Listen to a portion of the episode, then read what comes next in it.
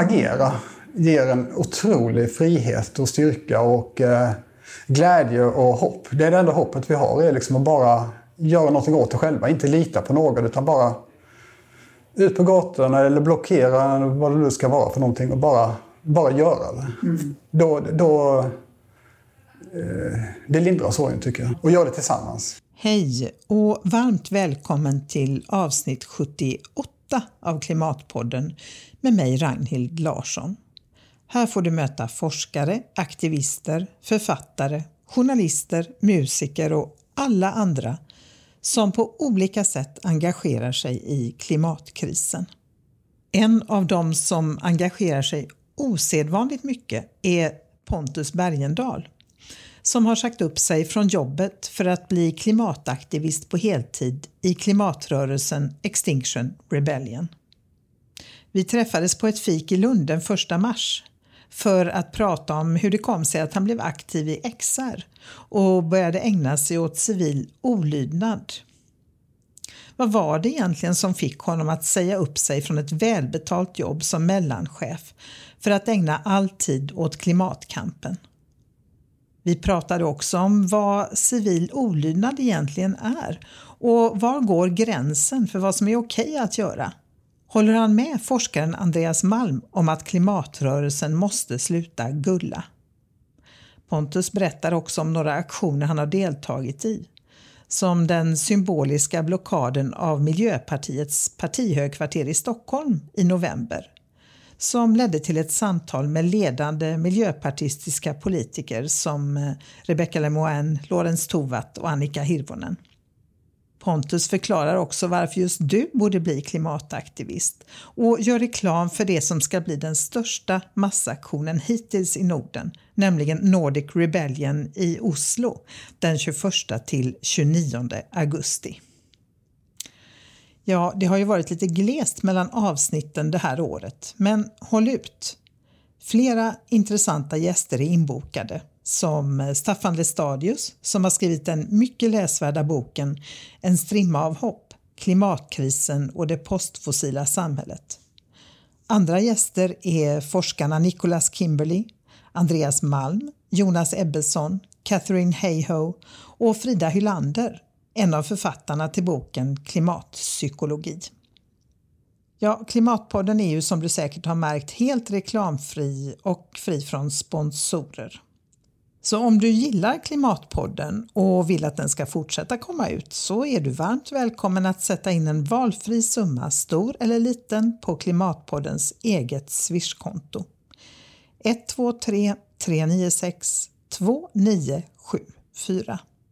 Alltså 123 396 2974.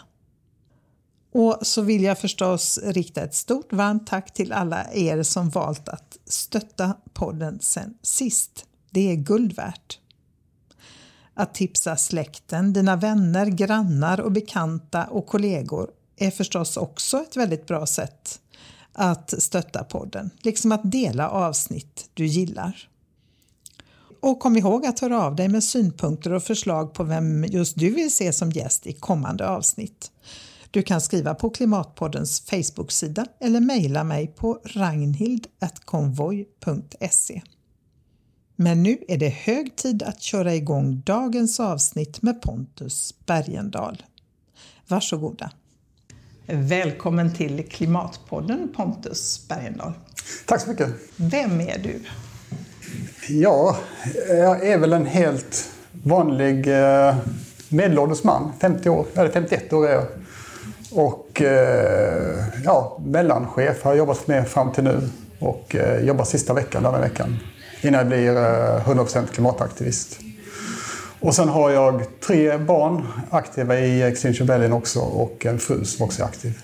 Hur gick det till? Hur hamnade ni där? Vi ska återkomma till det här att du har blivit heltidsaktivist och så. Men hur upptäckte du Extinction Rebellion? Jag, jag, kan börja med första gången jag fick höra om Extinction Rebellion. Det var när jag blev stoppad i deras första aktion i Malmö, utanför Trängen.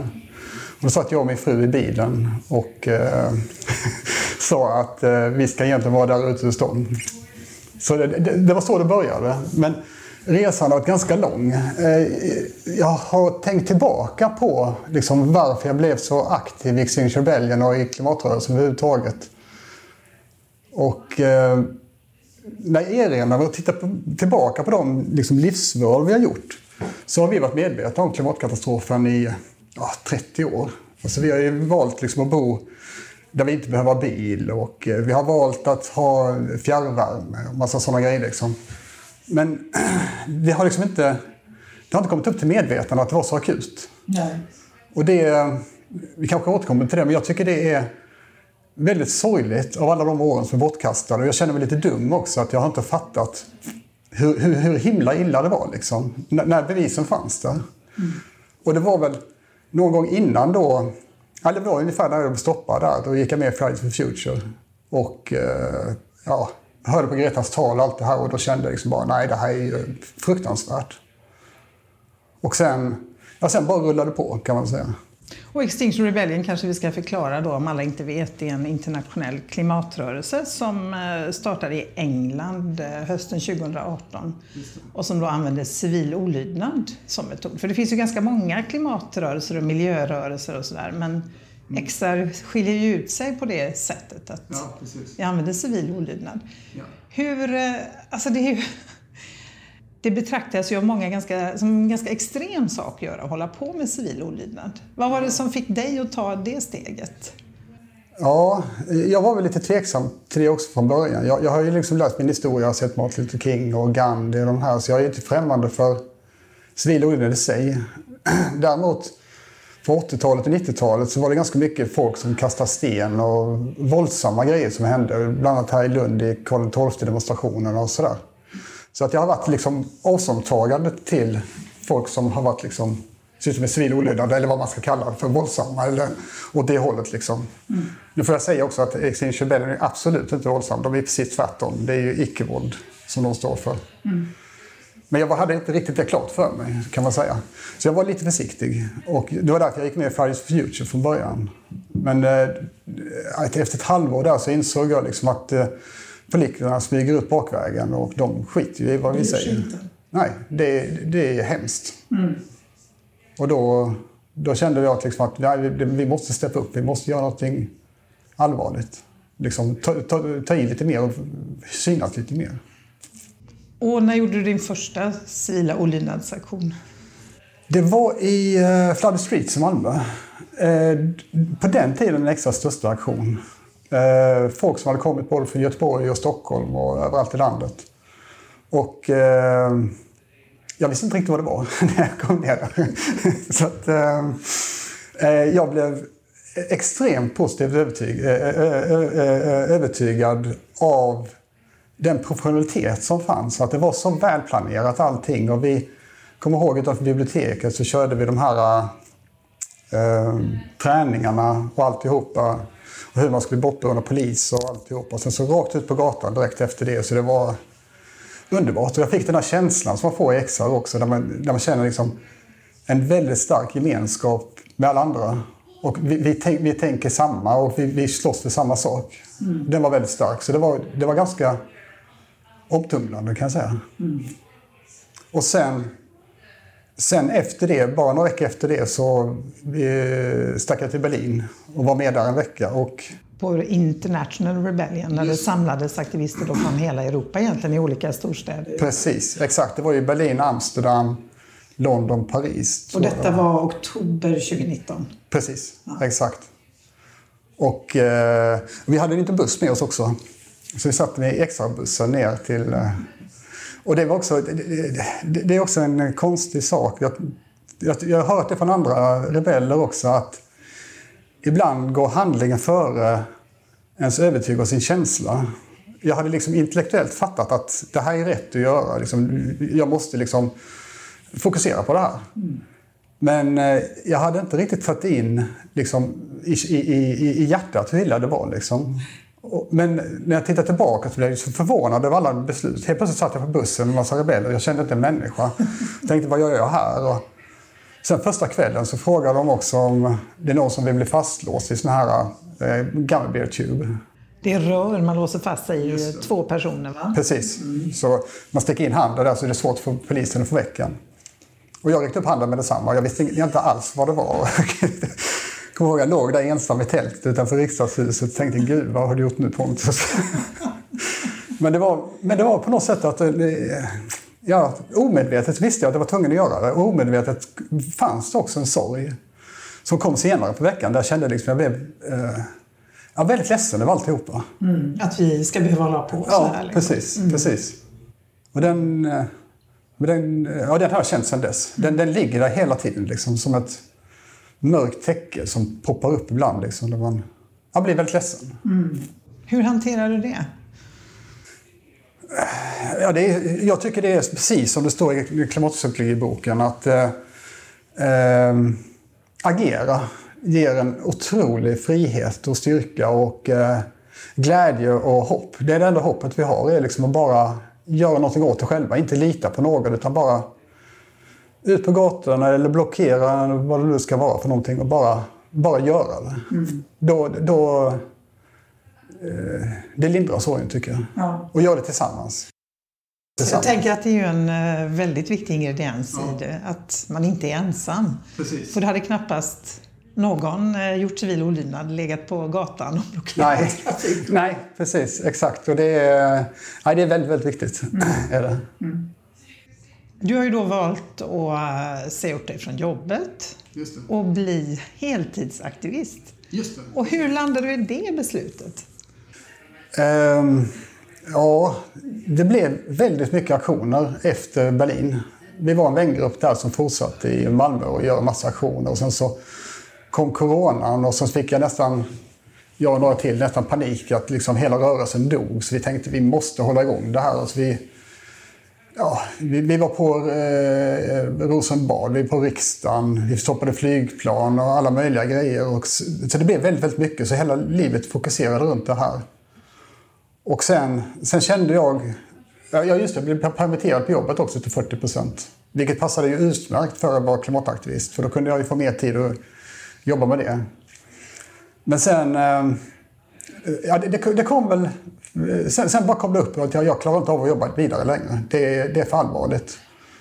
Och eh, egentligen hade det varit så att jag hade antingen fått släppa klimataktivismen och, och bara liksom jobba, fokusera på jobbet för att kunna, överhuvudtaget kunna klara av mitt jobb. Eller sluta med jobbet. Och eh, som tur är så har vi den situationen att vi klarar att göra det.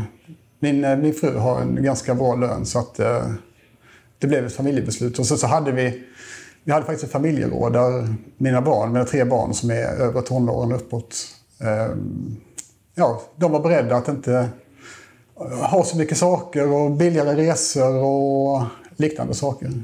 Så var...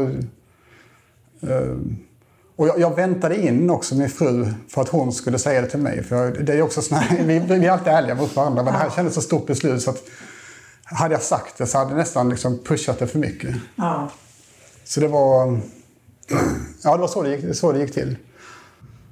Jag tänker det är ganska ovanligt. Ni är hela familjen på något sätt eh, med på det här tåget, engagerade. Och jag tänker ofta brukar det vara att en är engagerad, eller kanske två. Barnen eller föräldrarna. Just det. Ja. Så det är ju ganska speciellt, tänker jag. Och måste ju ja. kännas väldigt ja, som en styrka. Ja, det är, det är underbart. Ja. Helt underbart är det. Och, ehm, eh, vi stöttar varandra också och vi är lite olika intresserade av olika saker. Och min eh, mellandotter, eh, vi har faktiskt vegetarianer i 30 år och sånt där. Och då i den här rundan så blev hon vegan. Av djurrättsskäl också, men också av miljöskäl givetvis. Och, eh, pressade familjen och har lyckats övertala oss att vi också blir veganer nu. Så det är, det är kul också liksom, när det kommer från olika håll i familjen. Man inspirerar varandra och tar steg. Liksom. Ja. Du, eh, vad var det du jobbade med? Eh, jag eh, var, eller är, en vecka till, en mellanchef på ett, ett bolag här i Lund. Ett litet bolag, 70 anställda som tillverkar stora interaktiva skärmar. Mm. Det är digitala skärmar okay. kan man säga. Så jag är mjukvaruchef där. Hur, hur reagerade din chef? Ja, han tyckte väl... Ja, han blev inte så jätteförvånad faktiskt. Jag varit han kände ganska... till din eh, aktivism? Precis. Ja, det, det visste han. Mm. Och eh, jag, jag, har varit ganska öppen med det från början. Mm. Vilket jag tyckte också var jättejobbigt från början. För att jag eh, tyckte att... Eh, jag, var, jag var väldigt orolig för att berätta det här för vänner och familj och så i början. Ja. Men då kände jag också att det, det, måste jag göra direkt. Vad var det som oroade dig då? Att de skulle tycka jag var löjlig eller uh, överdriven eller uh, ifrågasätta mina skäl till varför jag gör det till exempel. Eller, eller, sådana saker. Mm. Det var jag rädd för. Mm. Och, att jag var rädd att tappa mina vänner. Mm. Men det, det har faktiskt gått väldigt bra. Och på jobbet har de full förståelse för det, så det är inget konstigt alls. Tror du att du påverkar dem då, dina vänner och dina... Alltså hur... Har du märkt att du har påverkat dem på ja, något sätt? det tycker jag. Ja. Vi, har, eh, vi har faktiskt en liten grupp eh, på jobbet som går ner eh, var, varje fredag. Nu är det corona och vi har jobbat hemifrån så det har fått lite paus. Men förr så hade vi en grupp som gick ner till Fridays for Future varje fredag och demonstrerade. Vi kallar oss sen för Flex for Future. Eller från universitetet så kommer det ett gäng som kallas också Flex for Future. Vi hänger på dem mm. och är nere och demonstrerar varje fredag. Så det har jag sett. Och sen så har det några stycken som har varit med på extraaktioner också från jobbet. Okay. För jag tycker jag märker att eh, dels får man lite positiva kommentarer och sen man lägger ut saker på Facebook. Och, ja. Men eh, de som är negativa har jag liksom inte så mycket av. Nej. Så jag vet egentligen inte. Men så tänker jag i alla fall, eller fantiserar jag om att de tycker nog att jag är helt knäpp liksom. Ja. Men ja, det, det går ju liksom inte att backa när man har tagit steget att göra det. Ja, det är konstigt tycker jag. Det är många som inte säger någonting alls. Nej, precis. Och då vet man inte alls vad de Nej. tycker. Så det är... I min fantasi då tänker jag så här, ja, de är inte riktigt där ännu i alla fall. Ja. Men eh, vad tror du det är som eh, får människor att engagera sig? Då? Vad, vad är det som gör, jag har funderat jättemycket på det där, alltså vad är det som gör att du och jag sitter här och tycker att det nästan har blivit någon sorts självklarhet att göra civil olydnad. Det var det ju inte från början såklart. Det är ju en process och en resa man gör. Liksom. Precis. Men vad är det som gör att vi har tagit steget och att väldigt många andra gör det inte? det, det, det är en mycket intressant fråga.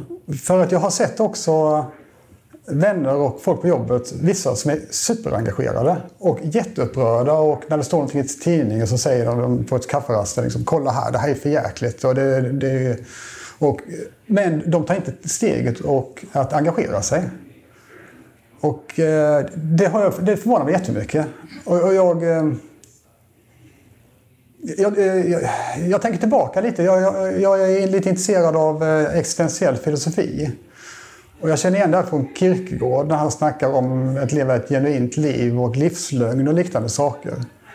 Och, eh, för mig så grundar det mycket i det att jag vill, inte, jag vill inte leva ett falskt liv där jag vet vad som borde göras och sen bara skita i det. Jag, det, det klarar jag liksom inte av. Och jag vet inte om det är någon sån insikt som saknas. Att, eller att det är någonting att någon annan borde göra någonting. Kanske är det så de tänker. Jag ja, jag tänker vi är ganska vana vid det i Sverige. Att det ja. räcker att gå och rösta vart fjärde år. Precis. Och sen kan man lite grann luta sig tillbaka. För vi har ändå liksom, vi har byggt upp det här välfärdssamhället och vi ja Ja, många tänker jag också har det ganska bra. Alltså, vi lider inte speciellt mycket av klimatkrisens effekter ännu. Nej. Vilket också gör att det är ganska lätt att blunda. Ja. Eh, man kan någonstans veta om det. Mm. Och så kanske man håller på på det individuella planet. Liksom. Precis. Och ja. sopsorterar och cyklar till jobbet, vad man nu gör. Ja, exakt. Och så tror man att det, och det är ju bra att man gör det. Jo. Men sen så tror man att det räcker och att man ja, nu har jag gjort mitt liksom. Ja. Och, och, det har man ju aldrig gjort. Jag har ju inte heller gjort tillräckligt vad som behövs egentligen. Så, så det, det, är ju inte en svart och vit skala utan det är ju på något sätt, och, och det, man ska inte göra så mycket som jag har gjort heller utan det är inte alla som kan göra det. Men jag, jag tror att man ska aldrig sätta, säga att man är nöjd och klar när det handlar om äh, att engagera sig för att rädda, rädda planeten. Nej. Utan, äh, I vissa perioder gör man mer, i vissa perioder gör man mindre. Men, men det är inte så att det liksom man kan slå sig till ro på något Nej. sätt. För jag tänker det är också viktigt att det är hållbart. Jag menar, det är ju åtskilliga som eh, blir utmattade och det är liksom inte en uppgift som ja, om en vecka är vi klara eller nästa år är vi klara utan Exakt. det är liksom en livslång uppgift på något ja. sätt. Precis. Det, ja, det, det håller jag med om. Det är så lätt att bränna ut sig så att man får ta det försiktigt. ju. Och vad gör du för att eh, hålla på med någon sorts hållbar aktivism? Då? För att orka? Ja, eh, det är en av de bästa grejerna med att säga upp sig från jobbet. Att jag får tid över till att inte jobba alla de här timmarna, kvällar och helger hela tiden. Utan, och jag har sagt det både, både till min fru också att eh, det jag ska fokusera på första tiden det är att få in rutin, att börja träna. Jag gillar löpning så jag måste springa tre gånger i veckan. Eh, jag tänker ta mina kvällar ledigt och jag tänker ha helger ledigt. Och, och jobba på dagarna, alltså som, ett, som ett vanligt jobb. Och, och stänga av telefonen och plocka väck liksom, telefonen och inte kolla på Facebook och de grejerna när jag är ledig. Det, det, det känner jag att det, det måste man göra. Ja, för annars kan man ju hålla på dygnet runt. Ja, precis. Liksom. Ja, Och det är exakt. ingen annan än man själv som säger stopp. Ja, möjligtvis ens familj då. Ja, ja, precis. Jo, det, gör jag. Men är det också, tror du, jag tänker det här vad som får en att engagera en. Eh, Jag har en god vän i Borås med, med politisk sekreterare för Miljöpartiet där, Kenneth Ölund. Han brukar säga ja, men de har inte haft sitt oh shit moment ännu. Alltså att man på något sätt inser okej, vi har en klimatkris, det är illa. Men man behöver liksom nå någon sorts insikt av hur illa det är innan man fattar. Liksom. Precis. Och, och, eh, det var den, jag, den moment jag fick då när jag gick med i XR. Ja. Och eh, varför jag fick den vet jag inte. Men jag, jag tror inte det hjälper med eh, sakliga argument. Utan Nej. det kanske är... eh, Jag hoppas att jag inspireras att ge den momenten till vissa andra. Att de tittar på mig och säger liksom, här är en helt vanlig person som gör en fullständigt galen grej. Och funderar kanske på varför gör han det?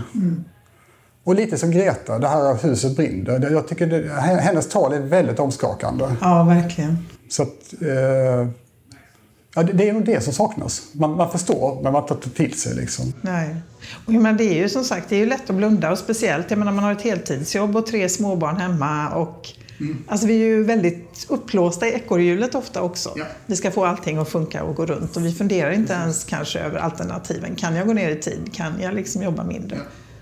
Och då blir det ju inte så mycket tid över att orka Nej, precis. hålla på. Liksom. Nej. Och sen tror jag folk också är eh, lite som, som du sa innan, att man har så mycket investerat i sitt liv. Det är som Roger Hallow säger, skin in the game. Eh, Du, du har Vad, vad menar han med det? Ja, det, det, menas att eh, det finns många, jag tror han hänvisade till hans kollegor på universitetet som inte engagerade sig och inte ville stöta sig med folk.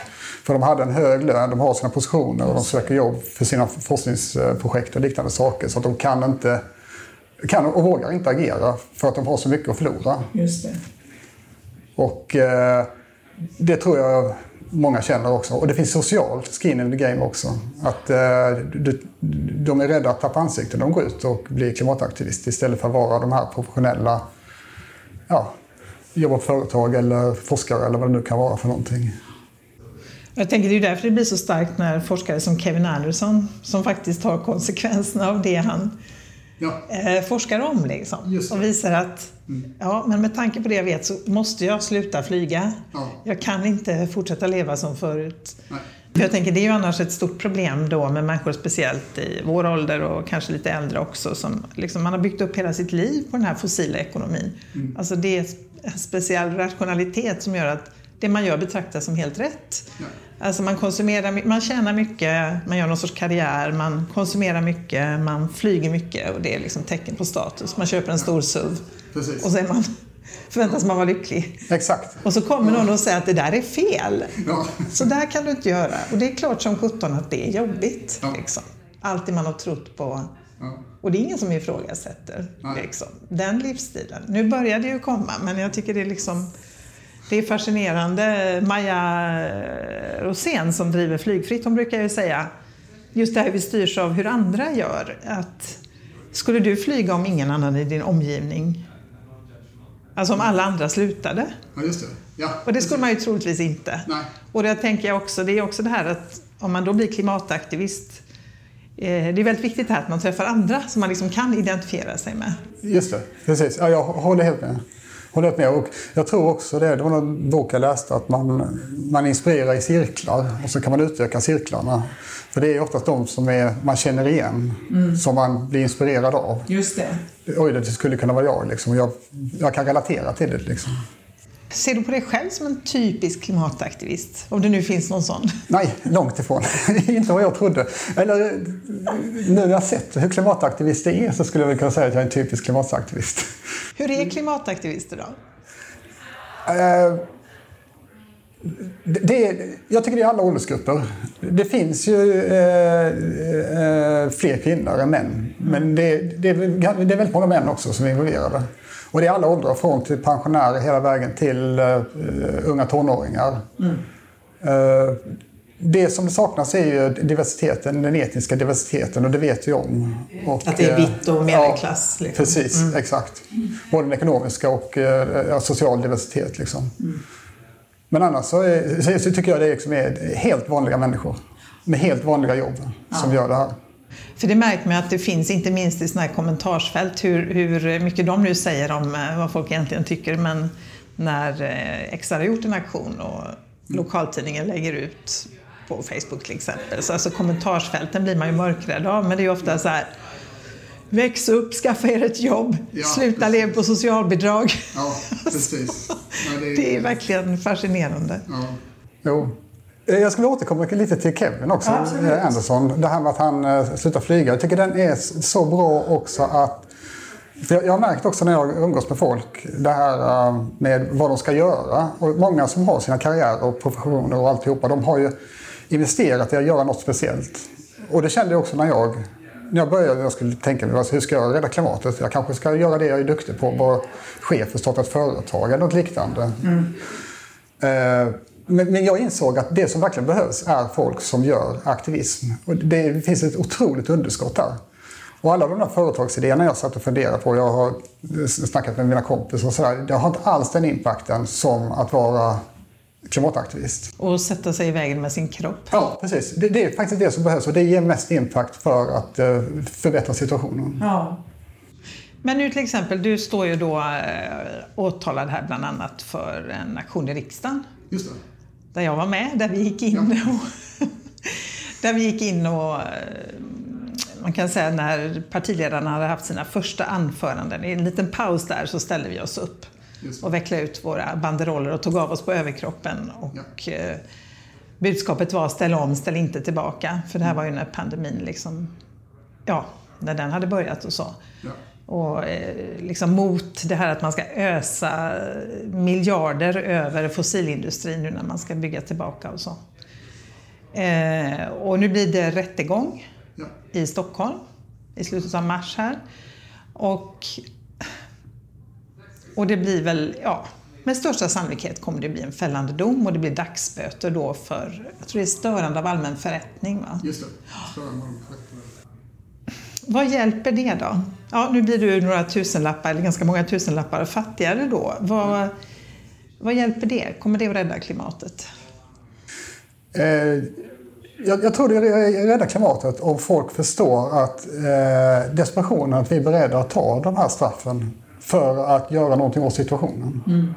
Men är inte risken bara att folk tittar eh, liksom, på oss och tycker att vad är det för galningar? Vad sysslar de med? Alltså bara avfärda det som äh, idioter. Vissa kommer säkert göra det. Eh, det, det. När jag diskuterar med folk som eh, tycker det är fel det vi gör så brukar jag alltid ställa frågan vad ska vi göra istället? Mm. Det är samma sak många gånger jag snackar med polis i polisbilen och kör bort mig så säger jag samma sak.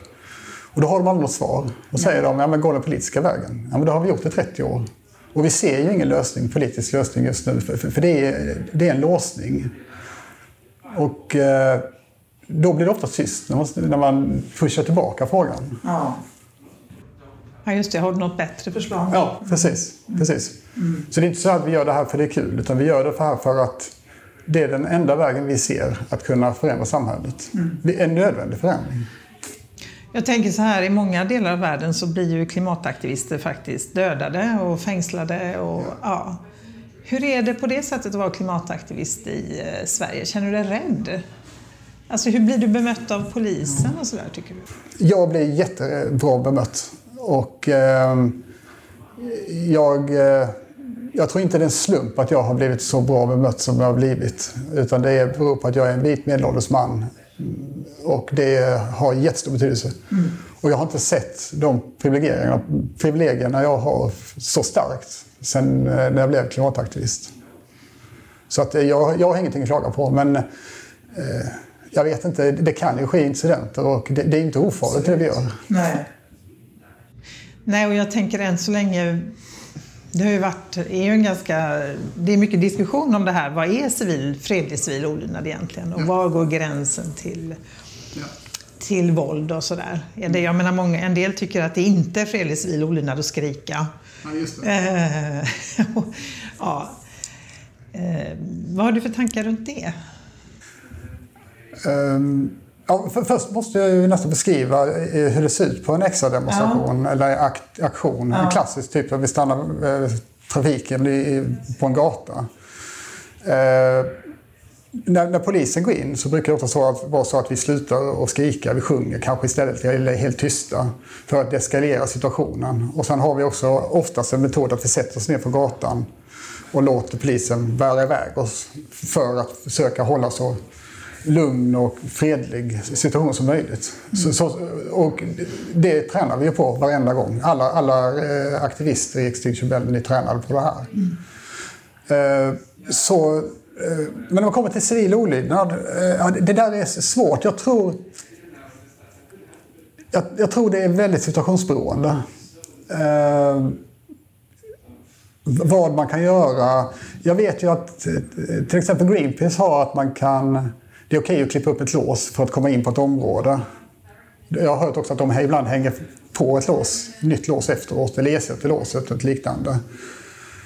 Eh, och jag tror också det beror på vad man är för situation i samhället. Vad som är okej okay att göra och inte okej okay att göra. Mm eh, vad som accepteras och inte accepteras av allmänheten. Mm. Och, och sen har jag en personlig Eh, vinkel på det också. Jag, själv är jag ganska mycket åt det pacifistiska hållet, så att säga. För att jag, eh, jag tycker inte om att vara taskig och bråka med folk. Eh, så enkelt bara. Sen om det finns om det är strategiskt bra att pusha gränserna hårdare, det, det, det är en annan sak. Men jag skulle aldrig gå in på att göra någon åverkan som har påverkat någon person eh, eh starkt negativt. Det har jag inte gjort.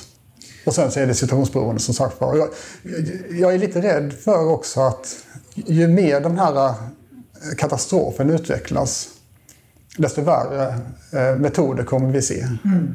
Och vi får väl se hur rörelsen utvecklas. Liksom. Mm. Och därför brukar jag tänka på XR som en säkerhetsventil någonstans. Ja. Alltså det är ett sätt för människor att hantera sin frustration över att så lite händer. Ja. Och att faktiskt göra någonting då konkret, men ja. att göra det fredligt. Så jag tror att XR har en väldigt viktig roll att fylla där. På det sättet. Men jag håller med dig att ju längre tiden går, ju mindre som händer. Desto större risk är det ju såklart. Precis. För att någon blir mer våldsam, eller en grupp blir det. Liksom. Och, ja, och man kan ju förstå det också på något sätt moraliskt. När eh, det är stora företag som Kjell och eh, de här som fullständigt skiter i människors liv och bara pumpar på. Mm. Det borde ju vara, alltså det är ju våldsamt om något. Och om man försvarar sig på det, ja, man, man kan förstå frustrationen, man kan förstå att folk vill ta till andra metoder men det är en farlig väg att gå. Vi ska ju också säga det att inför alla aktioner så finns det ju ett aktionskonsensus som alla som är med i aktionen får skriva under på. Liksom. Att om jag är med i den här aktionen då ställer jag upp på de här villkoren där det ju. Tydligt står att det här är fredlig civil olydnad. Och jag har hittills aldrig varit med om, jag menar att folk börjar kasta sten. Vi brukar ju ha så när vi tränar, hur agerar vi om någon till exempel börjar kasta sten? Men det har ju faktiskt, jag har i alla fall aldrig varit med om att det har hänt. Nej. Um... Jag har aldrig sett något exempel på någon som har betett sig fel eh, från aktionskonsensus. Nej. Och det är också en viktig grej, samma sak som vi nämnde förut, att vi gör saker och ting tillsammans i Extinction Rebellion och vi är en bred rörelse så att vi måste ju ha det här aktionskonsensus så att man litar på ja, tänker, sina vänner när man går ja, in i en. Tillit är ju allt, annars skulle ju skulle man aldrig våga hålla på. Liksom. Nej, precis. Om man inte har en aning om vad är det här för människa och vad tänker han eller hon göra. Nej, precis. precis. Kan jag lita på det liksom? Ja. Så jag tänker också att det är helt avgörande. Ja. Men det finns ju många som säger att civil olydnad funkar inte i Sverige. Vi är för liksom ovana vid det och så det är helt... Alltså om man jämför med till exempel Frankrike eller även Tyskland där de har en längre tradition av det ju. Ja. Vad tänker du om det? Ja, och det, det stämmer ju väldigt väl. Eh, Man märker ju det nu när vi, när vi gör civil olydnad och de debatterna så kommer folk eh, Folk argumenterar på de mest konstiga sätt. De säger att det är odemokratiskt och de säger också att det är vänsterextremistiskt när man egentligen civil olydnad kommer från liberal tradition. Och eh, alla möjliga konstiga idéer.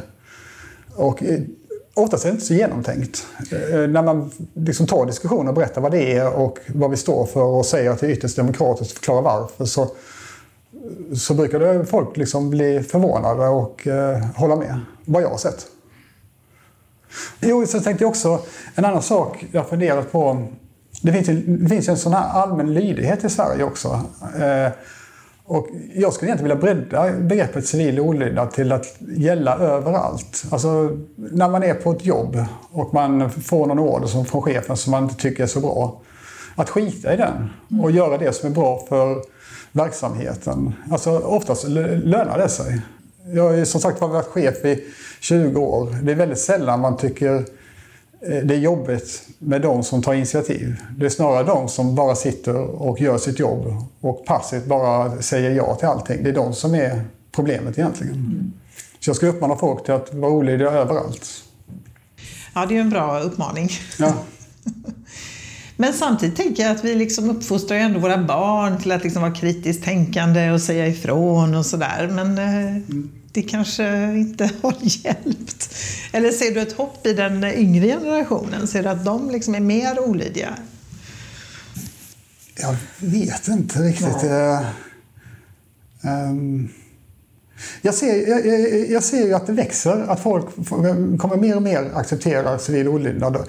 Och det jag tror är uppvaknandet är när man, när man, frustrationen att man, när man ser att, fred, alltså att vanliga demonstrationer inte har någon som helst betydelse. Och det ser man ju också på Greta Thunberg. Hon har snackat med alla politiker så, så, tar de selfies med henne så skiter de fullständigt i vad hon har sagt. Och Stefan Löfven säger att ja, vi ska jobba stenhårt för det här. Och så, så, så glömmer han det sen. Alltså det... Den, när man inser det här, att det inte hjälper, då tror jag att civil olydnad kommer att öka. Ja, när man inser att ingen annan kommer att fixa det här. Precis, exakt. Vi måste ju lösa det själva. Jag tänker det här som jag tycker i alla fall är väldigt svårt, det är det här när, ja, men när du och jag sitter här och pratar till exempel så är vi ganska eniga då, vi har liksom samma, vi har fattat hur allvarligt läget är. Eh, och tycker att det här med civil olydnad är något normalt och något nödvändigt. Och sen går man kanske till sitt jobb och sitter på lunchrasten och pratar med någon och så sitter folk och pratar om sina resor till Thailand eller vad det nu är. Alltså man lever i någon sorts det här som man kallar för kognitiv dissonans. Just det. Och den, den är ju väldigt svår tycker jag. Eller till exempel när man kommer hem från en vecka i Berlin, fantastisk vecka, och man känner och nu förändrar vi världen. Och så kommer man tillbaka och inser att allt är som vanligt. Ja, det är hemskt. Det ja, Det är, som, det är som en stor maskin som inte går att stoppa. Allting bara rullar på liksom. Det är, bilarna fortsätter köra, industrierna fortsätter gå och det går inte att stoppa. Ja, det, det är jättehemskt att se. och det tänker jag är en vits då, för det har ju varit lite så här ifrågasatt. Ska man blockera trafiken? Är det en bra grej? Vi, stör, vi säger ju att vi inte ska skuldbelägga eh, vad heter det, individer utan systemet, det är systemfel. Eh, Eh, och, sådär. och samtidigt drabbas då kan man säga enskilda individer av att vi stoppar trafiken. Eh, men hur ser du på det, på en vägblockad? Är det en bra metod tycker du? Eh, om den görs eh, man ska ha med alla detaljer i en vägblockad. Jag tycker till exempel de vägblockaderna jag har gjort när vi har haft personer framme vid bilisterna och snackat vänligt med dem och bjudit dem på kakor. De fungerar jättebra. För då förstår man direkt att det är inte, vi, har inget, vi har inget mot dig. Nej, utan vi gör det här för att skaka om. Då funkar det. Och eh, vägblockadet ser jag också som en, eh, vi, vi kallar det för outreach. outreach. Det är alltså att eh, få med mer medlemmar mm. och träna nya aktivister också. Det är ett väldigt bra sätt. Det är, det är trevligt. Man är på en gata med den mitten centrala stan. Det är roligare än att vara ute vid ett kolkraftverk i någon hamn någonstans. så det är så jag ser på det. Att den, eh, det är liksom en mobiliseringsaktion. Mycket. Mm.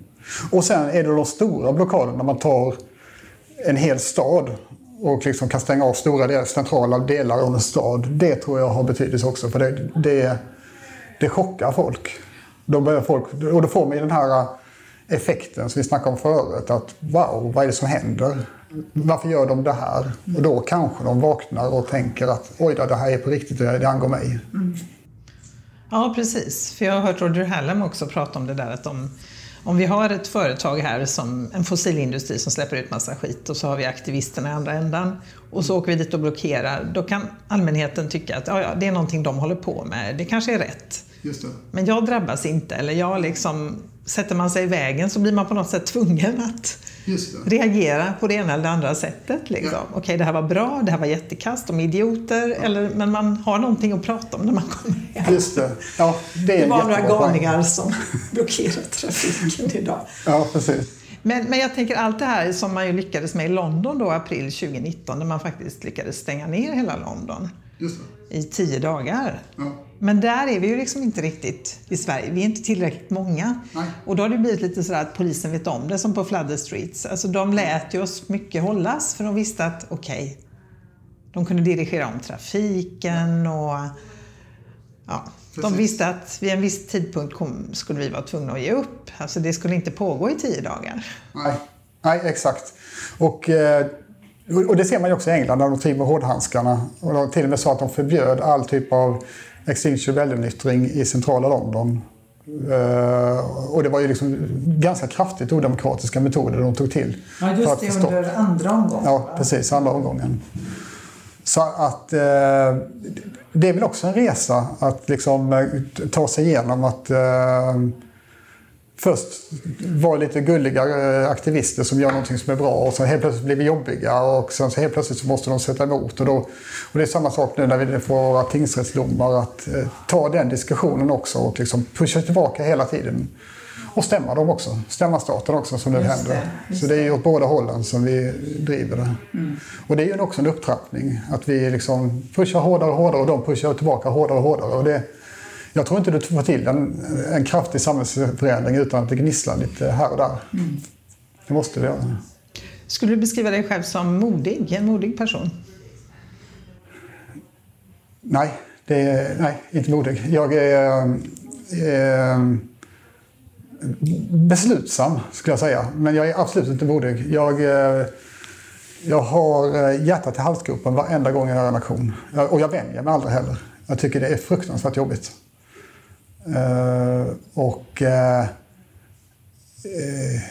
jag blev väldigt känslomässigt tagen av båda aktioner och när polisen ringer till förhör eller när man blir bortkörd i en polisbil eller sitter i häkte eller vad det nu än är. Liksom, så det, det är väldigt, väldigt jobbigt, tycker jag. Mm. Mm. Och du har suttit i häktet också? I Köpenhamn? I, i Köpenhamn, ja. ja vad hände då? då? vi eh, blockerade H.C. Eh, eh Andersens Boulevard eh, precis vid eh, vad hette det, Rådhusplatsen. Och så hade vi eh, också... Ehm, eh, det finns något som heter Industrins hus. Och eh, där limmade vi fast oss och eh, spraymålade med kalkfärg som går att tvätta väck med, med vatten. Och limmade fast oss också där. Och eh, då tog polisen oss och eh, några av oss blev arresterade. Och eh, satt, jag satt väl i sex timmar i häkte. Hur var det? Ja, vad ska jag säga? Läskigt var det. Eh, jag hade ju läst lite innan om eh, folk som har suttit i häkte att, eh, att sitta någonstans och inte veta när du blir utsläppt och inte ha tid på klockan. Du vet inte ens hur länge du har suttit. Nu var det här bara sex timmar så det var ju ingen fara alls. Men det var, det var en helt kal cell. Jag hade inte ens en madrass eller någonting. Och jag hade bara kalsonger och en tröja. Så man blir väldigt utlämnad också. Verkligen. Och, men men det, det, var, det gick bra. Jag, för jag var mentalt förberedd att jag ska inte så fort de gick förbi i korridoren så är det lätt att tänka sig att ja, men nu blir jag utsläppt. Och då kanske det bara gått två timmar så tror man det har gått sju timmar eller sånt där. För tiden försvinner iväg liksom. Så, att, eh, så det gick bra. Och sen var det, det är väldigt, väldigt skönt när jag kom ut. Det var en av de mest underbara situationerna. För sa polisen att du har, du har ett gäng här utanför som väntar på dig. Och så gick jag ut och så var det en lång, en lång gång man skulle gå. Och så hörde jag dem där borta sjunga och skrika. Så hade de med sig mat och vi hade världens fest efteråt. Så det var, det var väldigt trevligt. Hade du kunnat föreställa dig för sådär fem år sedan att du skulle hamna där i ett häkte i Köpenhamn? Nej, aldrig i livet. Jag, eh, det värsta jag har på mitt brottsregister är en fortkörning för 20 år sedan. Så nej, inte, inte en chans att jag har tänkt på det. Nej. Jag har aldrig varit i en rättegång i hela mitt liv än så länge heller. Men det blir snart? Det blir snart, ja, den 29. Hur kändes det att få det här brevet hem, eller mejlet hem från eh, tingsrätten? Ja, först tänkte man väl fasen också. Eh, vi gör ju det här och vi är medvetna om vad det blir och jag vet ju också att det är, det är en fortsättning på aktionen. Vi kan ju utnyttja domstolen att gå vidare men det är, det är inte kul att få hem det. Man tror att man ska kunna slippa undan. Och sen, sen, sen slås det precis, precis den här frågan du ställde förut. Eh, varför är jag i den här situationen? Och då slår det mig direkt. Allting sätts på sin spets. Där jag känner att ja, men det, det, finns ett, det finns ett jättestarkt skäl till att jag gjorde det här. Det finns ett jättestarkt skäl till varför jag helt plötsligt kommer hamna i domstol. Mm. Och det, det är oerhört berörande tycker jag, när jag tänker på det. Och sen blir man lite förbannad också.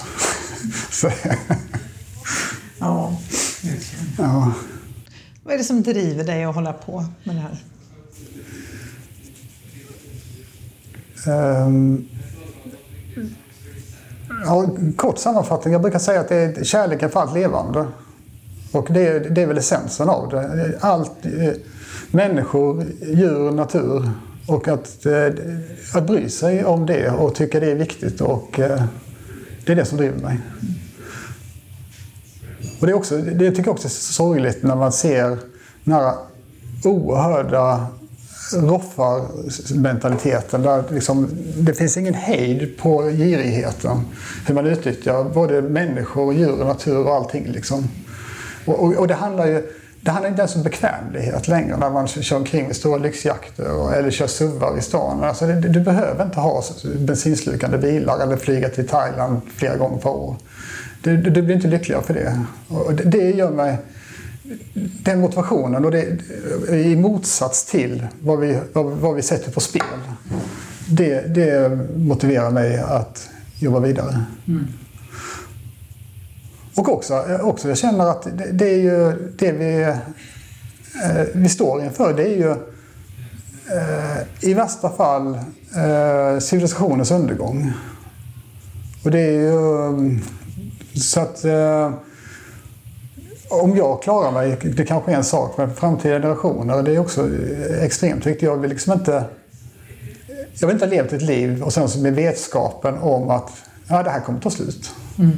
Och så inte ha gjort... Och inte ha gjort någonting. Nej. Precis, exakt.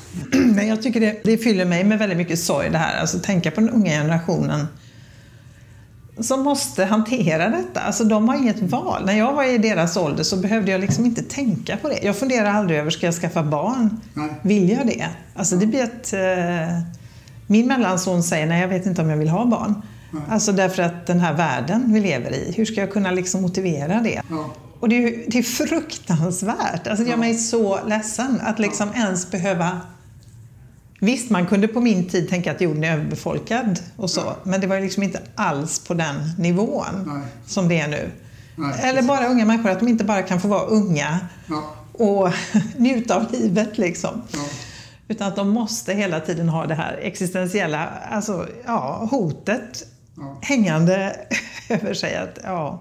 Ja, jag håller med. Och det, det, det är en sån fruktansvärd orättvisa över ja. generationsgränserna. Ja. Att... Uh, jag vet inte vad jag hade tyckt om jag hade varit i tonåren då. Jag hade blivit förbannad. Hade blivit. Och det kan jag förstå också. Jag känner ju också skuld i att jag inte fattade hur illa det var som jag berättade förut. Men... Nej, det är inte så lätt. Vi har inte haft direkt politiker som har pratat om det och inte media heller. Så att, jag menar, det har inte varit Nej, och det är ett av problemen också. Ja. Att eh, politikerna säger att det här löser vi och media snackar inte om det. Nej, och jag menar när jag var barn då var, liksom, då var det, vad hette det, den här föreningen, man gick och plockade skräp alltså. Eh, från gatorna, det gjorde vi i skolan kommer jag ihåg. Det var på den nivån. Ja. Ytligt skräp liksom. och det fanns reklamfilm på TV om hur man skulle liksom sänka sina, eller såna informationsfilmer om hur man skulle sänka sin, sitt skräp man har varit ute på sjön liksom. Binda fast det och sen, eh, där försvinner det. Ja, det finns det Så det är ju ganska, nej men det, det, det är väl klart att det väcker, väck, jag tycker snarare att, jag är nu kanske inte så arg på mig själv, det kanske är någon sorts förträngning men jag är väldigt arg på de som har vetat om det här, verkligen har vetat om och ja. aktivt motarbetat. Precis. Jag menar Exxon Mobil och ja. alltså de här stora fossilbolagen ja. som liksom förstod och insåg det här vi håller på med nu det leder mot katastrof. Men vi väljer att mörka det. Vi lägger enorma mm. summor på lobbying för att förneka. Och de har ju delvis lyckats. Jag menar. Vi har ju jättemånga klimatförnekare också. Visst, och, och, det är, jag kan inte se det som något annat än ren ondska Nej. att bete sig på det sättet. Nej. Och sen, sen, eh, jag kan ju återknyta också lite till, jag, jag var ju med också på en aktion mot Miljöpartiets partikansli. Just det. Och det har, det har att göra lite med också det här med, jag kände innan att alla säger att det här, det här löser sig och sådär. Mm. Nu var det en väldigt vänlig aktion mot Miljöpartiet. Det var ju Ja, berätta, vad gjorde ni? Kan man säga. Ja, Detta var i eh, november eller var det Just det, i samband med novemberaktionen. Ja. I Stockholm? Eh, ja, precis. Vi gick på eh, eh, regeringspartiernas partikansli, så det var ju Socialdemokraternas och Miljöpartiet samtidigt. Och det är för att i, i grund och botten så att de har misslyckats med 15 och 16 miljömål. Och, att eh, den klimatpolitiska rådet säger att vi är på helt fel väg när det handlar om att klara Parisavtalet. Så, så, så det, där gick vi på. Och för mig var den ganska viktig den aktionen för att jag tycker att eh, fast, de, fast den, många Miljöpartiet vill väl så, så, gör de fel när de försöker släta över det här. Mm. För då får vi folk som, som jag var förut som tror att ja, men det här är inte så farligt, det här är inte mitt ansvar. Det här kommer politikerna lösa. Och det är fullständigt livsfarligt att göra så. För det var ju många som var ganska arga. Varför går ni på oss i Miljöpartiet? Vi som är de enda som gör något. Precis, exakt. Och där är ett missförstånd att man trodde att vi var kritiska till vad de har åstadkommit med så få mandat de har. Och det var inte alls det som var poängen. Utan det var ju just att säg som det. Just Erkänn det är ett misslyckande. Tala klarspråk. Ja, tala klarspråk. Mm. Och det är ju ett av våra krav. Mm. Men vad blev det sen för reaktioner? För att man kunde ju se liksom att det blev eh, väldiga diskussioner, intressanta diskussioner på Facebook bland annat. Eh, en del som var för, miljöpartister som var för, stöttade ja. aktionen och tyckte det var bra och andra som var emot och tyckte att just att det här var odemokratiskt och så här skulle man inte göra. Just det. Men sen slutade det ju med att ni blev inbjudna av några tongivande politiker. Ja, just det. Eh, Rebecca Louvain och eh, Annika Hirvonen. Just det. Och eh, Eh, han Lorentz Tovatt, just det, det heter han ja. Och uh, just det, de, de träffade vi uppe i Stockholm. Och det var på deras initiativ? Ja. De hörde av sig och ja, ville träffa er? Ja. Och det, det, var ju jättebra. Och vi hade ett öppet och bra samtal. Och uh, det var skönt för jag, jag var lite rädd. Inom XR så är det väldigt viktigt att alla ska komma till sal så vi ska kunna lyssna på varandra. Och jag var lite rädd att det skulle bli liksom det här politiska käbblet men, men, det var ett väldigt bra samtal där vi lyssnade på varandra och vi snackade ungefär lika mycket och vi berättade varför vi gjorde det och vad som måste göras och hur fruktansvärd akut krisen är och mm. att det, det räcker inte det de gör. Så det, det var bra. Sen träffade vi också eh, Camilla Hansén och, eh, som sitter i riksdagen också från Miljöpartiet och eh, hennes företrädare eh, Jonas heter han som kommer från Örebro också. Tror han heter Jonas. Ja, jag får kolla upp det. Mm. Men Camilla Hansén satt, sitter bland annat i eh, konstitutionsutskottet och jobbar med demokratifrågor. Vilket var väldigt intressant. Och då hade vi en lång diskussion om civil olydnad och demokrati. Mm. Och vad landar ni där då? Kunde ni enas om att det är en demokratisk metod? Eh, ja, men hon tyckte inte om att man skulle göra det mot, mot Just dem. Just dem. Gärna mot de andra. ja, precis. Så det var, ja. Ja, civil olydnad. Eh, man kanske ska säga något mer om det, tänker jag. Vad, innebär civil olydnad? Det innebär ju dels, tänker jag, att eh, man står för det man gör. Alltså man gör det öppet. Mm. Eh, det är inte så att man försöker dölja det man gör, utan tvärtom. ja. Och att man på något sätt är beredd att ta sitt straff. Och i de här rättegångarna nu så är det väl ändå så att ehm, vi står för det vi har gjort men vi erkänner inte brott. Vi tycker inte att det är ett brott Nej. att liksom påkalla uppmärksamheten Ja. när, vi har, när huset brinner, Ja, precis. som du sa. Exakt. Ehm, Men tror du att det är en framgångsrik metod? Kommer det att lyckas, tror du, i rätten? Att hävda nödrätt? Eh, ja, vi kommer säkert lyckas för vi kommer bli dömda. Ja. jag, jag, tror, eh, nej, jag tror vi kommer bli dömda. Jag tror vi kommer få 30 dagsböter. Ja. Eller något liknande. Och så får vi se eh, hur vi hanterar det. Det är ju ganska mycket pengar nu som går åt till MXA. Ja, alltså bara i Göteborg är ju 37 stycken åtalade nu och eh, då är den föreslagna bötessumman, det rör sig upp ja, 400, till drygt 400 000. Ja, Så det är väldigt mycket pengar. bara i Göteborg. Ja. Ja. ja Och så att sammanlagt, och efter novemberaktionen och eh, precis. augustiupproret och sådär. Ja. Och flygplansaktionen och lite andra gånger. Och det, nu börjar ju rättegångarna komma. För hittills, det, det har inte varit så mycket innan. Några få, ett fåtal rättegångar. Precis. Och, och det är ju så otroligt viktigt att vi sköter det här solidariskt och, och hjälper varandra med böterna. För att annars så vågar vi inte... Annars så är det bara de som har möjlighet att göra civil olydnad. Så det, det, för mig är det en demokratiaspekt på det. Att alla som vill och har, mö- eh, eh, vågar och har möjlighet ska göra det. Eh, Man ska inte hindras för att man har en, en dålig situa- ekonomisk situation eller något liknande. Nej, och annars kan vi ju aldrig bli många heller. precis. Exakt. Då blir det någon sorts elitaktivism. Ja, exakt. Alla är ju inte beredda att liksom betala 10 000 kronor för att göra civil olydnad. Nej, och då vill man ju också verkligen känna att det här leder någon vart. Att det är värt det liksom. Precis. Den uppoffringen Ja. som det faktiskt är. Ja, precis. Och oftast är ju vårt försvar också när vi kör civil olydnad i domstol. Vi, vi, står, vi har ju moraliskt rätt. Det har man oftast som eh, aktivist. Och det, det ser man genom historien också. Och, då, och om, man, om man har gjort en handling som är moraliskt rätt och är dömd av domstol så är det ju ett fel på rättsväsendet och lagarna. Så det är där, det, det, är så, det är så vi brukar argumentera. Och det har varit några friande domar, bland annat i England. Ja. Ju där aktivister har blivit frikända. Och även i Oslo ganska nyligen. Där tre stycken hade åkt rullskidor tror jag, på Karl Johan, Johan och stoppat biltrafiken. De blev också frikända. Ja. Och med hänvisning till att vi har en klimatkris. Och, och det, det, är ganska intressant. Vi har ju haft i, um, i vissa eh, aktioner vi har haft, bland annat i Malmö, där vi har stoppat trafik. Och där polisen har gått in och eh, har haft koll liksom, på, på blockaden. Och ibland sätter de polisbilar framför för att säkra situationen. Och då kommer arga bilister fram till polisen och säger ska ni ta väck dem, de är olagliga. Och då säger polisen att nej, nej, det är inget, det är inget olagligt med det. Och det, är ganska intressant, för det har inte folk fattat heller. Att, det, det, att demonstrera får innebära lite olägenhet. Och det står det i lagen. Ja, det är så starkt i vår grundlag, eh, Precis. yttrandefriheten. Ja. Men annars kan man skicka ut folk på ett fält någonstans där det inte syns och låta dem demonstrera där. Och det är ju inte så speciellt demokratiskt. Nej. Verkligen inte. Nej, jag kommer ihåg när vi gjorde vår första vägblockad i Göteborg där vid eh, Allégatan. Då samlades vi ju, och det var ju öppet, det var ju ett Facebook-event, så polisen kom ju dit. Och så sa de till oss, ja ni kan sitta i gatan i sju minuter. Och vi var ju helt, va? Det kan inte vara möjligt. Hur gör vi nu? Så det är liksom, ja det är väldigt intressant faktiskt.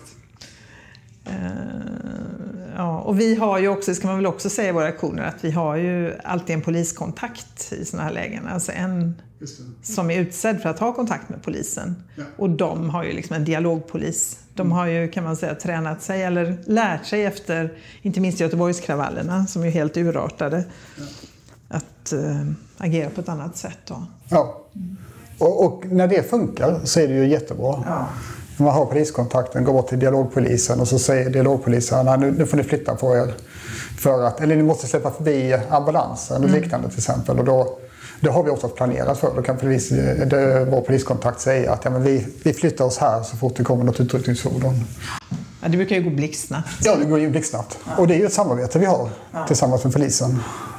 Men en del menar ju att vi är alldeles för, me alltså att vi är för mesiga mot polisen. Att vi liksom är för, vi förstår inte att polisen mm. inte är de goda så att säga. Nej, det, det finns, Extra UK har ju fått eh, kritik när de eh, gav blommor till polisen. Och, eh, det finns vissa grupper i samhället som inte alls har den erfarenheten av poliser så att de skulle kunna ge blommor till dem. Verkligen. Och min inställning till poliser är egentligen att de är en perifer eh, liksom, eh, del av aktionen. Vi fokuserar aldrig aktionen mot polisen. Det är helt ointressant för oss. Utan de är där. De är någonting vi måste relatera till när de kommer och säger till oss massa saker. Men det, de, de ska aldrig vara i fokus tycker jag. Utan Nej, de gör sitt jobb och vi gör vårt jobb och vi håller vårt avstånd mellan oss. Liksom. Ja. Det är inte de som är måltavlan. Liksom. Nej. Nej, precis. De är varken vänner eller måltavlan. de gör sitt jobb. Liksom. Nej, ibland känns det nästan som ett skådespel kan jag tycka. Ja. Vi, vi är klimataktivister och de gör sitt jobb som ja. poliser. Och ibland så Precis. samarbetar vi eller, ja, eller skrattar. Liksom. Ja, exakt. I Stockholm var det ju lite komiskt i augusti tror jag det var när vi blockerade två centrala broar och de liksom kom med sina pikéer och hade bestämt sig för att ta bort oss. Men liksom körde oss ett kvarter bort och sen bara släppte av oss. Ja, ha en trevlig dag. Jag hoppas vi inte ses igen. Ja, precis. Och det, ja. Och då kan man ju också känna ett behov av att liksom, man vill ju som du säger, vi vill ju på något sätt trappa upp. Det ska bli någon ja. sorts liksom, effekt av det vi gör också. Såklart. Ja, Så det är verkligen en balansgång. Ja. Och sen har vi Andreas Malm till exempel som tycker att eh, klimatrörelsen måste sluta gulla.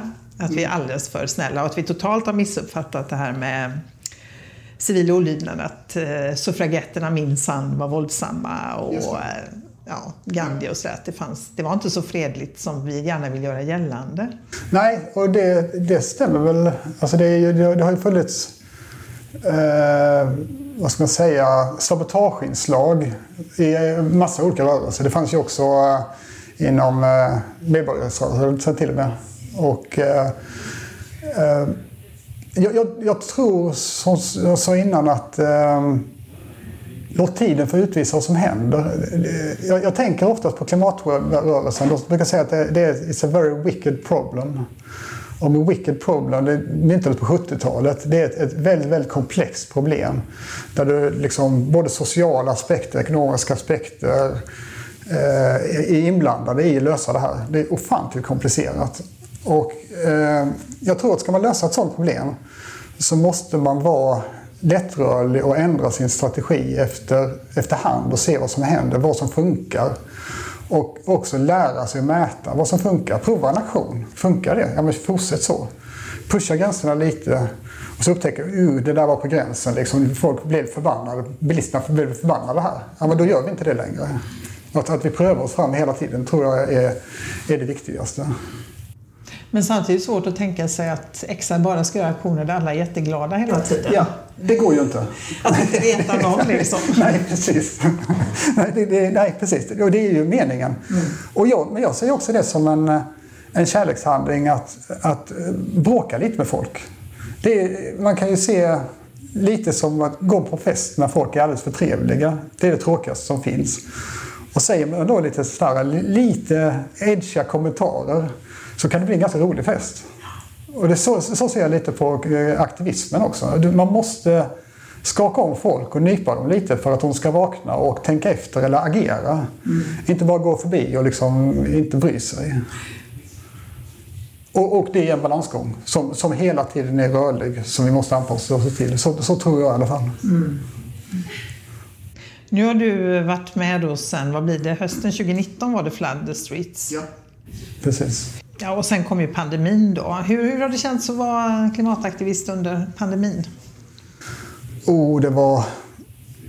det var svårt. Vi hade verkligen momentum där eh, eh, precis tills vi var i Göteborg, eller inte Göteborg, Lysekil, på Primera, den stora Primera-faktionen. Och sen, sen gick luften ur allting. Ja, det var ju bara några dagar senare så stängde ja. hela Sverige, dagen efter nästan, så stängde ja. Sverige ner och det blev, ja då var det ju först en begränsning tror jag på 100 eller... Just det. Och, och, det var ju en katastrof för oss. Mm. Allting, alla, alla bara försvann. Mm. De bara gick under jorden och sa vi väntar tills pandemin är över. Och eh, vi bytte strategi då. Vi, vi tänkte att då, nu går vi tillbaka till det klassiska konceptet. En vängrupp, åtta personer och så bara ut och göra aktioner. Och det, det funkade ganska bra. Mm. Däremot var det en väldig frustration. Jag kommer ihåg den aktionen vi åkte upp i maj. Det hade inte hänt någonting. Vi fick inte igång folk och eh, folk svarade inte eller någonting. Så var det jag, min dotter och eh, några till som åkte upp till Stockholm. Och den, var, den aktionen var ja, nästan bara frustration. Fan, vi måste göra någonting. Och så bara tog vi och eh, hade tryckt ut affischer och satt upp på SAS huvudkontor. För de fick ju ett antal miljarder där. Och på Rosenbad också. Och det var, det var väldigt skönt att göra kan jag säga. För att visa att det, vi måste fortsätta. Men sen gick det ganska bra. Sen fick vi igång de här massaktionerna med struktur på och eh, med 50-grupperna och allt det här. Mm. Som polisen inte köpte, men jag tyckte att det var helt safe från ett coronaperspektiv. Mm. Så att, eh, ja, det har varit en kamp under 2020. Mm. Och samtidigt känns det som att det här kanske är det nya normaltillståndet. Jag menar, det hänger ju ihop liksom med klimatkrisen. Ja. Ja. Med tanke på hur vi tränger undan naturen och fler pandemier med största ja. sannolikhet är att vänta. Ja, precis. Och det tycker jag är så himla underligt. Man pratar ju nästan inte om det. Vad ska vi göra för att motverka att det händer igen? Man pratar väldigt mycket om hur ska vi lösa situationen nu och nu ska alla vaccineras. Men, ja. Men hur gör vi för att det inte ska hända igen? Det är liksom, den debatten är nästan helt död. Ja, det är ett tecken på otrolig kortsiktighet inom politiken och i att du bara löser det precis framför fötterna på dig. Och det är också lite skrämmande ur ett demokratiskt perspektiv kan jag tycka. Man kan så här lätt bara bestämma att nu är det förbjudet att träffas ute på gatorna. Ja. Och det är också någon konstig regel som säger att det är okej okay, liksom att vara många människor i ett köpcenter. Och nu kanske man liksom har lite restriktioner på det också. Man får inte vara hur många som helst inne i en affär och sådär. Men, det är ändå, men så fort du har ett budskap då kallas det för en sammankomst. Ja, helt galet. Ja. Väldigt konstigt. Och jag vet, du skrev någonting om att ni hade också Fridays for Future var det va? Eller ni hade liksom på olika ställen i Lund. Ja, vi... Långt ifrån varandra liksom. Precis, två olika torg i Lund. Ja. Med 50 personer. Vi hade ju verkligen folk som skulle för Fridays for Future vill inte bryta mot lagen. Nej. Och sitta och räkna och säga till folk att gå därifrån. Och det pressade vi så hårt så att det var precis dagen innan som vi fick polistillstånd för demonstrationen. Ja. Och bara för att visa också hur galet det här är och hur lite de tänker på demokratiaspekten i Sverige var också att vi var på Kongens Nytorv och demonstrerade då med Extinction Rebellion på deras massaktion. Och då hade de en regel som var precis tvärtom. Då, du fick inte vara mer än 50 såvida du inte demonstrerade. Vilket var precis tvärtom jämfört med Sverige. Så när vi stod på Kongens Nytorv och skulle sätta igång aktionen då gick polisen upp och sa till er, nu får ni börja demonstrera annars så kommer vi lösa upp er. Så då, det var precis tvärt emot som jämfört med Kungsträdgården i Stockholm. Det var märkligt. Ja, där sa de, där sa de att vi skulle ta ner banderollerna. Får du aldrig lust att ge upp? Bara känner att det här går åt skogen, jag orkar inte. Nu flyttar jag ut i skogen eh, med min familj och så börjar vi odla eller något. Vi satsar på att bara överleva liksom. Nu lägger jag ner det här. Nej, däremot Däremot tvekar jag ibland, eller ja, lite då och då, på att vi överhuvudtaget kommer klara av det här. Eh, och eh, min fru sa eh, tidigt att eh, om det är så så vill jag inte ge mig utan en fight. Och eh, eh, så känner jag då i de stunderna. Det är på något sätt en moralisk skyldighet att verkligen fightas in i det sista oavsett om du kört eller inte. Mm. Nu, nu, tror jag inte det är det. Mitt hopp är att det är en så komplex situation. Så att det, det finns alltid ett hopp. Men eh, det, det ser ju inte så ljust ut. Nej. Nej, men jag tänker också mycket så att det är ju inte så att det antingen är kört eller inte kört. Det är inte Nej. så att där ramlar vi ner för stupet.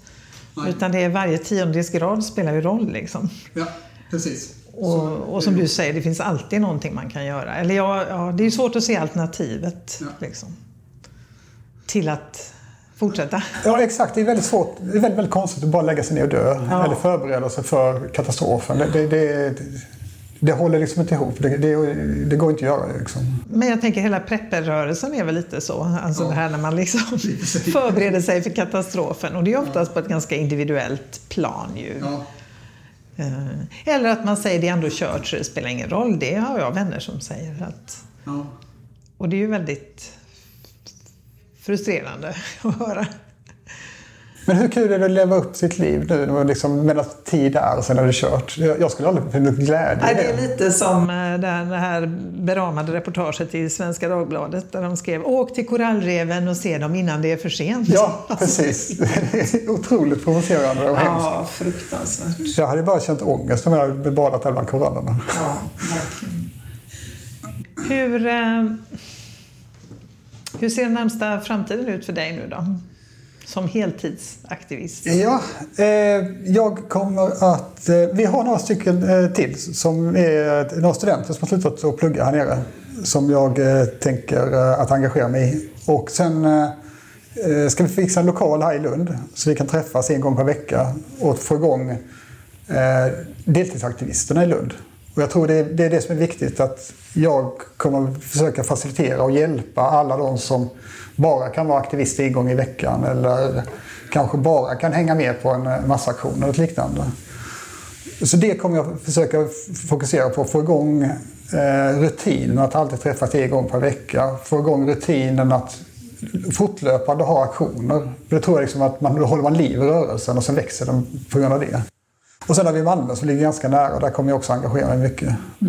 Och sen har vi en stor massaktion som jag vill göra reklam för också i augusti i år. Nordic eh, Uprising som är alla Extinction Rebellion i hela, en, eh, hela Norden. Nordic Rebellion. Just det, Nordic Rebellion. Förlåt, helt rätt. Nordic Rebellion. Eh, och då kommer vi samlas där och eh, vad heter det, göra aktioner mot eh, fossilindustrin, oljeindustrin i, eh, i Norge och eh, framförallt eh, nyutvinningen i Arktis. Och finansieringen som vi har sett nu i, på TV4 till exempel. Eh, svenska bankers investeringar i fossilindustrin. Så att om det är någonting ni ska boka in, ni som lyssnar på det här, så tycker jag att ni ska hänga med helst hela veckan, men bara någon dag om det går, till Oslo. Det kommer bli underbart och det kommer vi göra så mycket nytta. Det är den viktigaste aktionen under hela året. Vilket datum är det? Det börjar den 22 tror jag och sen så är det en vecka framåt. Ja. Så det är bara att ta semester? Ja, det är bara att ta semester. Boka semester redan nu och snacka med din familj. Alltså nu har vi ju pratat ganska mycket om, jag tänker om man nu inte alls är klimataktivist och lyssnar på detta, är klimatengagerad och så får man höra om rättegångar och böter. Det kan ju te sig ganska skrämmande på något sätt. Men vad ger det dig att vara klimataktivist? Oh, det är otroligt mycket. Jag har... Det låter som det är precis som det är misär allting, men det är precis tvärtom. Det, det, är, det är så roligt att vara klimataktivist. Och eh, man har en sån otrolig gemenskap. Och, eh, och, och det, är, det är stöttande att umgås med folk och kämpa tillsammans för någonting man, man tror på. Det är, väldigt, väldigt, känns väldigt meningsfullt. Och, och sen tror jag också att eh, livet handlar inte om att ha det bekvämt eller vara lycklig. Livet handlar om att leva ett meningsfullt liv. Det är där man får styrka, det är där man lever upp. Så jag har aldrig känt mig så levande som de senaste åren. Så att eh, det är mycket, mycket mer än vad det kostar. Så du känner inte att du liksom har avstått en massa saker som har tagits ifrån dig? Liksom? Nej. Och det, och det får jag säga också, det känns ju... Det kanske låter också eh, extremt att vi säger upp halva lönen i vår familj. Eh, Men eh, det är inte så kul att köpa grejer. Vi har ganska mycket grejer och vi, vi har det vi behöver och vi har inget behov heller att göra extravaganta resor. Vi gillar att vara ute i skogen och tälta och det är ganska billigt. Och det är, inte, det är inte det som får en att det är inte det som är värdet i livet. Att ha liksom all den här bekvämligheten och lyxen. Nej, man kan ju vara väldigt olycklig på en strand på Bali. Ja, precis. precis. Till sist undrar jag, Alltså ditt bästa argument för att få någon att engagera sig i klimatkampen?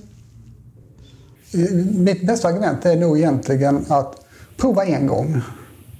Och om du ska göra någonting så gå på en aktion. Och eh, det har en otrolig påverkan. Du har en sån makt som eh, aktivist. Vi kan ju bara nämna några segrar vi haft under 2020. Fast det har varit pandemi och alltihopa så det var ju solklart att vi hade påverkan på Preemraff-beslutet. Det är jag helt övertygad om. Oavsett vad Preem säger. Men de... Det är klart de inte vill erkänna Nej, det. Exakt. Och sen så fick vi ju Sveaskogs eh, VD avsatt. Vilket de uttryckligen sa. Att det berodde på klimatrörelsen. Och nu eh, senast var det ju eh, Swed, nej, eh, SEB som har ändrat sin policy om eh, investeringar i fossila industrier. Inte tillräckligt, men de är ju chockade. Bara de här få aktionerna som vi har gjort och eh, vad som har skrivits i tidningen och liknande saker. Så att man har en extrem påverkan som klimataktivist. Och jag tror ju att jag brukar säga det att jag, jag känner själv att jag har mycket mer påverkan än vad en riksdagsledamot har. Mm. Och det ska vi också säga, nu har vi pratat mycket om vägblockader, men jag menar en del aktioner handlar om till exempel när det gäller skogen så var det ju eh, Svenska kyrkans eh, innehav av skog och hur man hanterar den på ett väldigt ohållbart sätt eh, som eh, var föremål för en aktion som egentligen var en eh, ja, satir helt enkelt. Man utgav sig för att vara Svenska kyrkan och så visade man upp bilder, stolt upp bilder på hemska kalhyggen. Och, så. och det var fantastiskt att se för folk verkligen så nej men vad gör ni? Så här kan ni inte göra. och de fick gå ut och liksom ta avstånd från att det inte är vi som gör detta. Och så, så jag tänker det liksom finns, ofta tänker jag en lyckad, och så var ju Prima också verkligen ett exempel på, dels att hela klimat och miljörörelsen i Sverige gick ihop. Ja.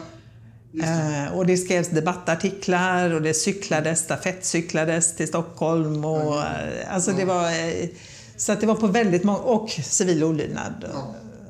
Så att jag menar, det, det finns ju väldigt, på väldigt många olika nivåer man kan engagera sig också. Exakt, men det finns så mycket att göra. Mm. Så att vad man än är duktig på nästan så, så kan man göra det. Jag, jag, jag brukar jämföra det med, eh, i och med att jag kommer från industrin, så känner jag lite att det, man känner sig som en entreprenör. Brukar jag säga. För de, de sysslar också med alla möjliga grejer. Liksom. Det, och det är nästan samma grejer. Man bygger en organisation, man sysslar med marknadsföring, man snackar med pressen. Och det är samma, men det är bara ett annat mål. Liksom. Det viktigaste målet. Ja, det viktigaste målet, ja. ja. Precis. Att få en beboelig planet. Ja. Mm. Alltså det, är, det är viktigt också att säga att, eh, också på aktionerna att vi har ju väldigt många olika roller där också. Som du kan vara, alltså man behöver, det, är väldigt, det är minoriteten i en aktion som verkligen gör de olagliga bitarna. Ja. Precis. Och det väljer man ju helt själv. Och jag menar fram till det ögonblick att polisen kommer fram och säger, de frågar ju alltid, vill du sitta kvar här nu? Då begår du en olaglig handling, du kan gå härifrån nu. Precis. Och då kan man välja. Ja, exakt. För det är väldigt få som sagt som går från ena dagen att inte ha gjort någonting till att sätta sig och blockera en gata. Ja, det är ju en process, liksom, att vänja sig vid. Och sen kommer man till en punkt där man tycker att det är självklart. Ja, precis. Eller visst, som du säger, visst det är ju läskigt och så. Eller man kan ju tycka att det är obehagligt men att man ändå inser att ja, det här är något jag vill göra. Tack så jättemycket Pontus för att jag fick sitta här och prata med dig. Tack så mycket, det var väldigt trevligt. Detsamma.